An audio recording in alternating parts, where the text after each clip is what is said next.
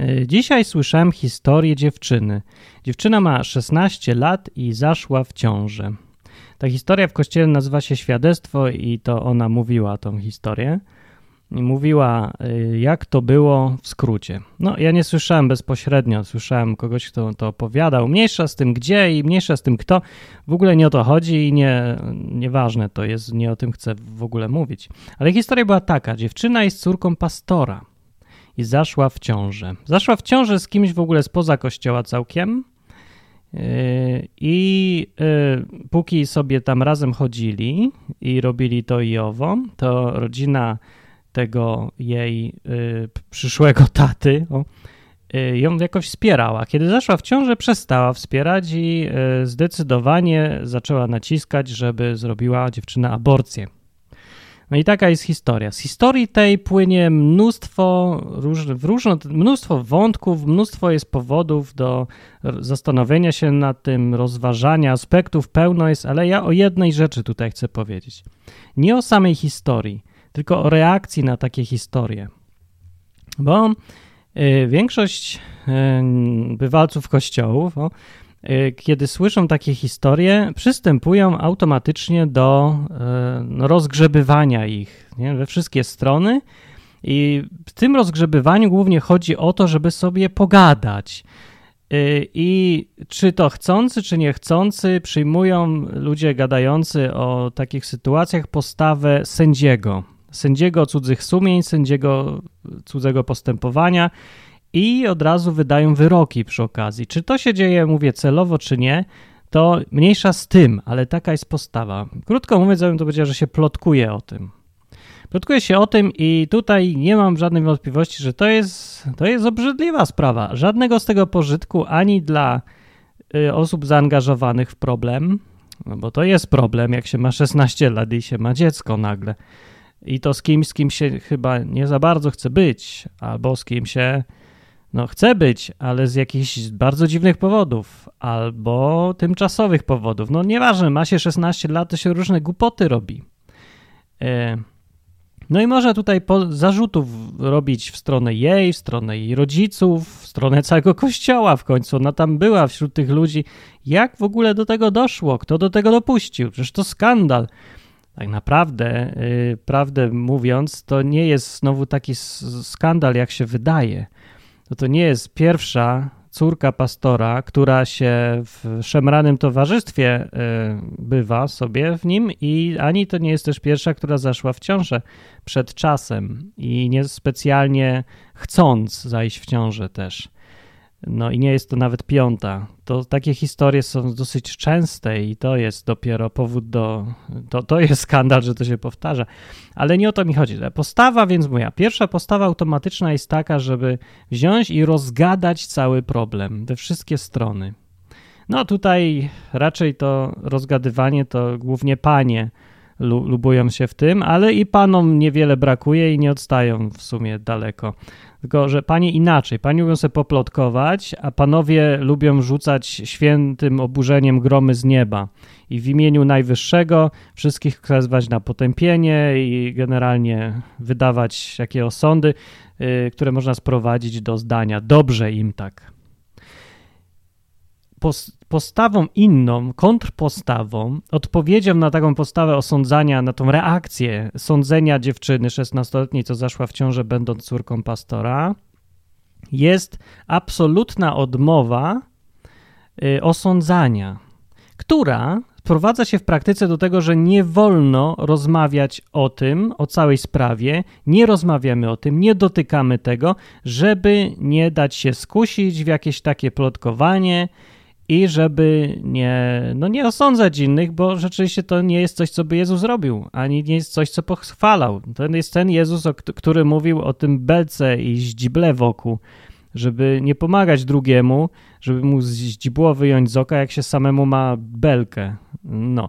I mówił też, że jakim sądem sądzimy, takim będziemy osądzony, osądzeni. W związku z tym lepiej jest w ogóle nie sądzić, bo to nie nasza rola. Naszą rolą jest pomagać, wspierać i tak dalej.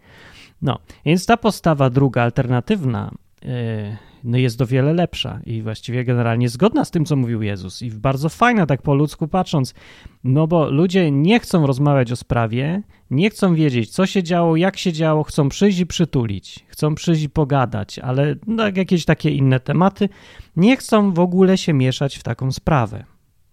To jest postawa, jak mówię, o niebo lepsza, ale to nie jest dalej postawa wystarczająca, coś mi się wydaje. Tutaj to chciałem powiedzieć w tym dzisiaj małym kazanku zambonki, że jest trzecia postawa, inna postawa, może są jakieś inne jeszcze. Trzeci sposób reakcji na takie sprawy. Trzeci sposób reakcji jest taki. Oczywiście absolutnie odrzucam plotkowanie, osądzanie i takie rzeczy, bo nie jesteśmy sędziami innych rzeczywiście i trzeba się tego trzymać i pilnować się, żeby się nie dać ponieść ale niedobrze jest zignorować tą całą sprawę, wspierać ludzi i zostawić to tak, jak jest. Z jednego ważnego powodu, może z kilku, ale z najważniejszego powodu takiego, żeby takie rzeczy się nie powtarzały. Problemem, e, problem spadających w Polsce samolotów dziwnie często i pękających opon ważnych osób w państwie. Ten problem to nie jest problem, e, który się tak nagle wziął przypadkiem, znikąd, zbieg okoliczności. To jest częste zjawisko, niewiarygodnie częste. E, I częstotliwość tego zjawiska, że dzieją się rzeczy złe, powinno czegoś nauczyć. Krótko mówiąc, takie rzeczy będą się dziać, będą pękać y, opony, będą spadać samoloty, będą się ludzie zabijać ginąć w różnych, najróżniejszych katastrofach. Tak długo, dopóki ludzie będą mieli albo postawę numer jeden, albo postawę numer dwa. Postawa numer jeden to jest dobrze im, tak? Wszyscyście zrobili bydło, gincie teraz. Postawa numer dwa jest taka: wspierajmy ich i róbmy im pomniki i yy, nie osądzajmy nikogo za nic, bądźmy dobrzy, bo tak chce Jezus. Jedna i druga postawa skończy się tym, że będzie tego więcej. Nigdy się nie skończą katastrofy. Będą często występować, będą dalej występować. I to nie jest rezultat taki, który by się Bogu podobał. Bo co prawda, osądzanie to jest śmierdząca sprawa, rzeczywiście, ale ignorowanie źródła problemów jest jeszcze gorsza, bo ktoś, który, kto odmawia zajmowania się rzeczami złymi, yy, osądzania, ale nie w sensie osądzania człowieka, żeby na niego wyrok wydać, tylko osądzania sytuacji, zrozumienia, jak do tego doszło, przeanalizowania tego, yy, znalezienia błędów i sformułowania tez jakichś dotyczących tych błędów. No, dlaczego tak powstało? Dlaczego się tak stało? Co poszło nie tak? Y, człowiek, który tego nie chce robić, jest odpowiedzialny za te same błędy, które powtórzą się w przyszłości. To nie jest lekka sprawa. To jest brak wyobraźni, po prostu y, odmowa jakiegokolwiek osądzania i poprzytulanie wszystkich, że no ale źle i zostawienie tej sprawy, bo jeżeli na tym się tylko poprzestanie i człowiek ze strachu, słusznego zresztą, przed osądzaniem innych, przed wpadnięciem w stronę tych wszystkich, których Jezus straszliwie potępiał, nazywał grobami pobielanymi i mówił o nich nieprzyjemne rzeczy. Jeżeli nie chcemy być w tej grupie, ale nie może strach przed wpadnięciem w tą grupę powstrzymać nas przed zrobieniem tego, co jest mądre i tego, co uratuje następne dziewczyny przed zajściem w ciążę przed czasem z tym, y, z kim się nie chce zajść w ciążę. Uratuje następnych ojców przed tym, żeby nie popełnili gdzieś tam po drodze jakiegoś straszliwego błędu, który spowodował, że, że 16-letnia dziewczyna nie może znaleźć żadnego porozumienia w grupie, do której należy, w tym kościele, który właściwie jego cały sens istnienia no, dru, drugi, drugi sens istnienia jest taki, żeby się wspierać. Bo pierwszym sensem istnienia, numer jeden, powinno być iść i innym mówić o Jezusie, że to fajna droga do wybrania. No, drugim e, celem powinno być właśnie wspierać się. Niedopuszczenie do takich sytuacji, że dziewczyna idzie szukać e, jakiejś akceptacji w objęciach gościa z marginesu, czy tam kogokolwiek, no kogoś z kim no niespecjalnie powinna być, bo złe to wyniki przy, przynosi. Jak to jest wszystko możliwe? No ja nie wiem, bo ja nie znam sytuacji. Ale to, co ja bym zrobił i to, co ja chcę, do czego chcę namawiać w takich sytuacjach, to jest to, żeby rozmawiać z tymi ludźmi i nie udawać, że nic się nie stało, bo stało się. Stała się rzecz, yy, która mogłaby się nie stać, gdyby kiedyś ktoś wcześniej, we wcześniejszych sytuacjach y, nie zostawił tego, ani nie skoncentrował się na osądzaniu, tylko chciał zrozumieć i porozmawiać z tymi wszystkimi, zapytać jakiegoś ojca jednego z drugim, co on zrobił źle. Niech to się przyda na coś. Jeżeli już się stała katastrofa, coś złego, nie cofniemy przeszłości, ale możemy sprawić, żeby się nie powtórzyła ta przeszłość w przyszłości. Żeby to zrobić, trzeba się trochę przemóc i grzebnąć w tym. I to jest trudna rzecz. Bardzo ostrożnie to trzeba zrobić, i na pewno się spotkasz z oskarżeniami, że próbujesz wszystkich osądzać. Jeżeli będziesz chciał dowiedzieć się na przykład od ojca tej dziewczyny, jak to się stało, że dziewczyna nic nie wiedziała o czymś takim jak prezerwatywa? Albo jak to się stało, że w ogóle poszła się y, ganiać z kimś tam, skoro dookoła niej wszyscy mówili, jak powinno się żyć według Biblii. I wszyscy się niby uśmiechali i byli mili, a ona, jej to jakoś nie wystarczało i poszła sobie gdzie indziej szukać czegoś, bo czegoś jej brakowało w życiu. Jak do tego doszło? Nie pytamy retorycznie, pytamy naprawdę, żeby zrozumieć, jak do tego doszło. Dlaczego? Ja bym chciał to wiedzieć. Ja bym osobiście chciał wiedzieć, co powie ten człowiek. No, chciałbym wiedzieć po to, żebym, kiedy przyjdzie moja pora zostać ojcem, albo mi się, yy, nie wiem, przypadkiem zdarzy, czy coś. Wszystko jedno, jeżeli zostanę kiedyś ojcem i będę w takiej sytuacji, to ja chcę wiedzieć, czego nie zrobić, żeby moja córka, mając 16 lat, nie poszła sobie szukać e, akceptacji e, w dziwnych miejscach nie skończyło się tym, że zajdzie w ciążę trochę wcześniej niż powinna i przez to będzie miała poważne utrudnienia w życiu. To nie jest tragedia, że się dziecko urodzi, to nie jest naprawdę żadna specjalna tragedia, ale to bardzo utrudnia życie. E, zamyka jej wiele drzwi, które miałyby otwarte, no bo stało się to dużo wcześniej niż powinno, jest nieprzygotowana do tego wszystkiego i będzie miała zwyczajnie dużo, dużo trudniej. Będzie miała trudniej psychicznie, chociaż z drugiej strony może to jej wyjść na dobre. No, będzie musiała się uczyć zaradności, inaczej patrzeć na świat, będzie odpowiedzialna za innych. Kto wie? Ale nieważne, nie powinno tak być. Powinno być trochę inaczej, mogło być inaczej. Gdzie był błąd? I trzeba powiedzieć, ktoś popełnił błąd, gdzieś był błąd. To nie jest przypadek. Dziewczyny nie zachodzą przypadkiem w ciążę. Ludzie, córki pastorów zachodzą w ciążę w takim wieku dziwnie często. Dlaczego?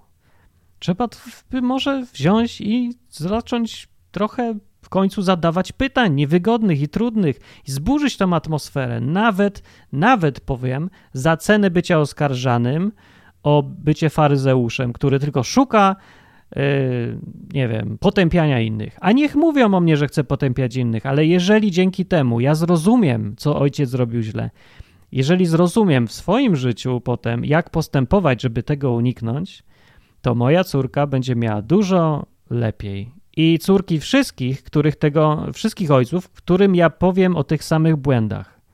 Żeby tych błędów już nikt nie powtarzał, potrzeba powiedzieć o tym błędzie głośno. Jest taki błąd, uważajcie na niego, ojcowie. Na przykład nie zakładajcie, że wszystko jest w porządku, albo nie wiem, mo może powiedzcie profilaktycznie swoim y, dzieciom o prezerwatywach, zamiast y, zakładać, że one są święte i w życiu by nie, za przeproszeniem, majtek nigdy nie ściągnęły. Bo gdzieżby moja córka jest super, więc po co ja mam mówić o prezerwatywach? No, no, po co? No tak, no zakładajmy, że będzie zawsze super. To jest błąd i się kończy przykrymi rzeczami. Zbytni optymizm się kończy tym, że właśnie pęka opona w samochodzie i spada samolot, bo ktoś mówi, a tam jakoś to będzie, albo ma wyobrażenie, że wszystko jest fajnie, wszystko jest w porządku, wszystko jest super. A jeżeli ktoś przyjdzie i powie, jak jest super, gdzieś przecież ktoś zrobił coś źle, to ten ktoś zaraz dostaje okrzyki, jak śmiesz sądzić, ty faryzeuszu przebrzydły, przychodzisz do nas i mówisz świętym pańskim, że coś robią źle? A kim ty jesteś, że osądzasz bliźniego? No tymczasem człowiek nie chciał akurat osądzać, a nawet jeżeli chciał, to w celu, w celu takim, żeby na przyszłość było lepiej. Wielu, wielu osobom. Więc na koniec chcę to powiedzieć jedną rzecz. Uczcie się na błędach. Ludzie, uczcie się na tych błędach. Jeżeli zdarzyło się coś złego, nie zakopujcie tego, nie tylko pogłaskajcie człowieka. Póki płacze, to go przytulcie, ale kiedy się już uspokoi, zapytajcie o to wszystko. Niech te wszystkie rzeczy, które są po kątach, niech wyjdą na światło dzienne, po to, żeby ta zła rzecz, co się stała, jakiś błąd popełniony, mógł być popełniony tylko raz, albo niewiele razy, a nie powtarzać się ciągle tylko po to, bo boimy się stawić czoła prawdziwym problemom. To mówiłem ja, Martin. Co myślicie o tym? Piszcie w komentarzu. Albo wyślijcie tą gadkę innym, może się to przyda. Ja wiem, to może być trudne i zdaję sobie sprawę z tego, że granica między osądzaniem kogoś, takim podłym postępowaniem, po prostu chcę pokazać, jaki ja jestem święty i być głosem Boga na ziemi, poczuć się sprawiedliwie i rzucić na kogoś piorun. Między taką postawą a szukaniem błędów i mówieniem, że coś jest źle, ale po to, żeby pomóc, żeby zrozumieć, na przyszłość, żeby poprawić, jest cienka granica, a nawet ona może się jedno z drugim pokrywać. No, tym niemniej, no, życie nie będzie proste. No, tak jest. Trzeba czasem grzebnąć w czymś przykrym i śmierdzącym. Czasem ktoś może być osądzony, może i źle, ale trzeba czasem zrobić coś, co jest potrzebne, e, mimo że jest nieprzyjemne. No, coś, co jest potrzebne, wielu osobom się przyda, jakimś tam kosztem. Unikanie kosztów e, nieprzyjemnych sytuacji no może być dobre pod warunkiem, że e, konsekwencją tego nie będzie krzywda wielu, wielu osób. No. Więc jeszcze raz zawołam y, i, i zakończę i zawołam, że ludzie uczcie się na błędach, na swoich i na błędach innych.